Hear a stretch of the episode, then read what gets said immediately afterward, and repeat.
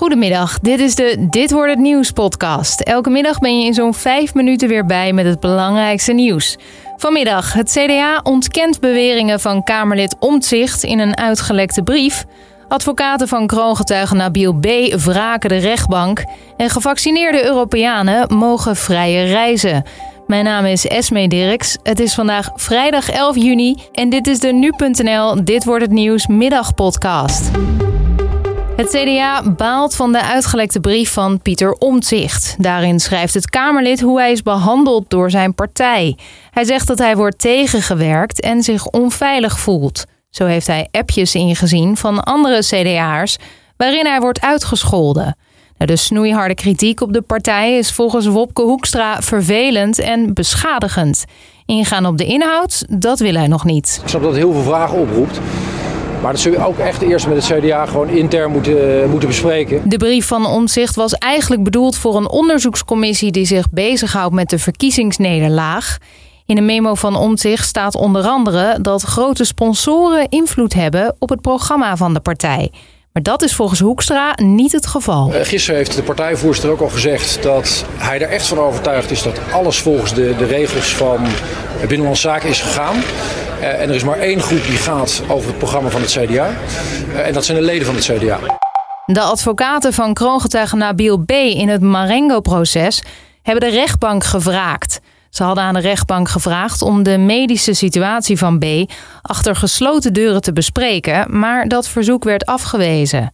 Volgens de advocaten is de rechtbank partijdig en wordt Nabil B. anders behandeld dan andere verdachten. Nou, als dat echt zo is, dan kan het proces nog wel eens een tijd gaan duren. Dat zegt onze politiek verslaggever. Nou ja, de, de rechters moeten dan het dossier eigen maken. We hebben het hier over vijf moorden. Houden rekening met zeker een jaar. De wrakingskamer gaat de komende tijd dus bekijken of de rechters in het Marengo-proces onjuist hebben gehandeld.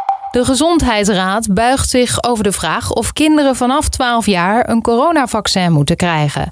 Eerder gaf de Raad al groen licht voor kinderen uit risicogroepen die eh, jaarlijks ook een griepprik krijgen. En het Europees Medicijnagentschap keurde het vaccin al goed voor kinderen. Maar kinderartsen twijfelen. Volgens kinderarts Caroli Illy, voorzitter van de Vereniging van Kinderartsen, moet er goed over na worden gedacht. Nou, het bezwaar is dat je, dat je te maken hebt met, met kinderen die deels wilsonbekwaam zijn, althans door de wetgever als wilsonbekwame individuen worden beschouwd.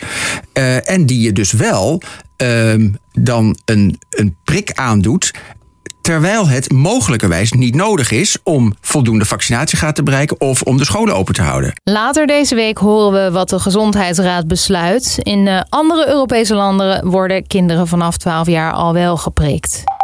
Steeds minder winkels misleiden consumenten met nepaanbiedingen. Dat blijkt uit het jaarlijkse prijzenonderzoek van de Consumentenbond. De verschillen met vorig jaar zijn eh, best groot. Deze keer hielden 16 van de 100 winkels zich niet uh, aan de regels rondom prijzen. Vorige keer waren dat er 39 van de 100. Dus het zijn er wel minder geworden, maar het is nog steeds belangrijk om goed op te letten. Het gaat om aanbiedingen met een van-voor prijs. Daarbij moet de doorgestreepte oude prijs wel echt gebruikt zijn, maar dat wordt lang niet altijd gedaan. Daarbij gaan ook uh, grote winkelketens nog wel eens de fout in. En voor het eerst kunnen nu ook twintigers zich laten vaccineren tegen corona. Dus als je geboren bent in 1991, dan kun je een afspraak maken via coronatest.nl of bellen met 0800 70 70. Wacht op een officiële en persoonlijke uitnodiging is dus niet nodig. Inmiddels zijn in ons land al meer dan 11 miljoen prikken gezet. En dan het weer van uh, Weerplaza. Zon en wolken wisselen elkaar af en het is zo'n 23 tot 27 graden. Aan de kust is het wat koeler. En uh, morgen steekt er een vrij koele noordwestenwind op, waardoor we temperaturen rond de 20 graden krijgen.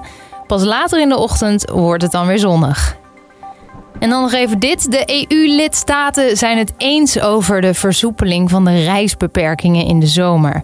Dat betekent uh, onder meer dat volledig ingeënte reizigers niet meer hoeven te testen of uh, in quarantaine hoeven te gaan. De 27 lidstaten keurden een voorstel van de Europese Commissie hier namelijk goed. En daarin staat dat mensen die minstens twee weken volledig gevaccineerd zijn, vrij moeten kunnen reizen binnen de EU. Reizigers vanaf 12 jaar die niet volledig zijn ingeënt, zullen wel even getest moeten worden.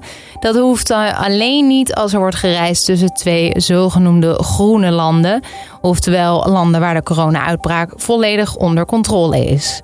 En dit was dan weer de Dit wordt het nieuws podcast van deze vrijdagmiddag 11 juni.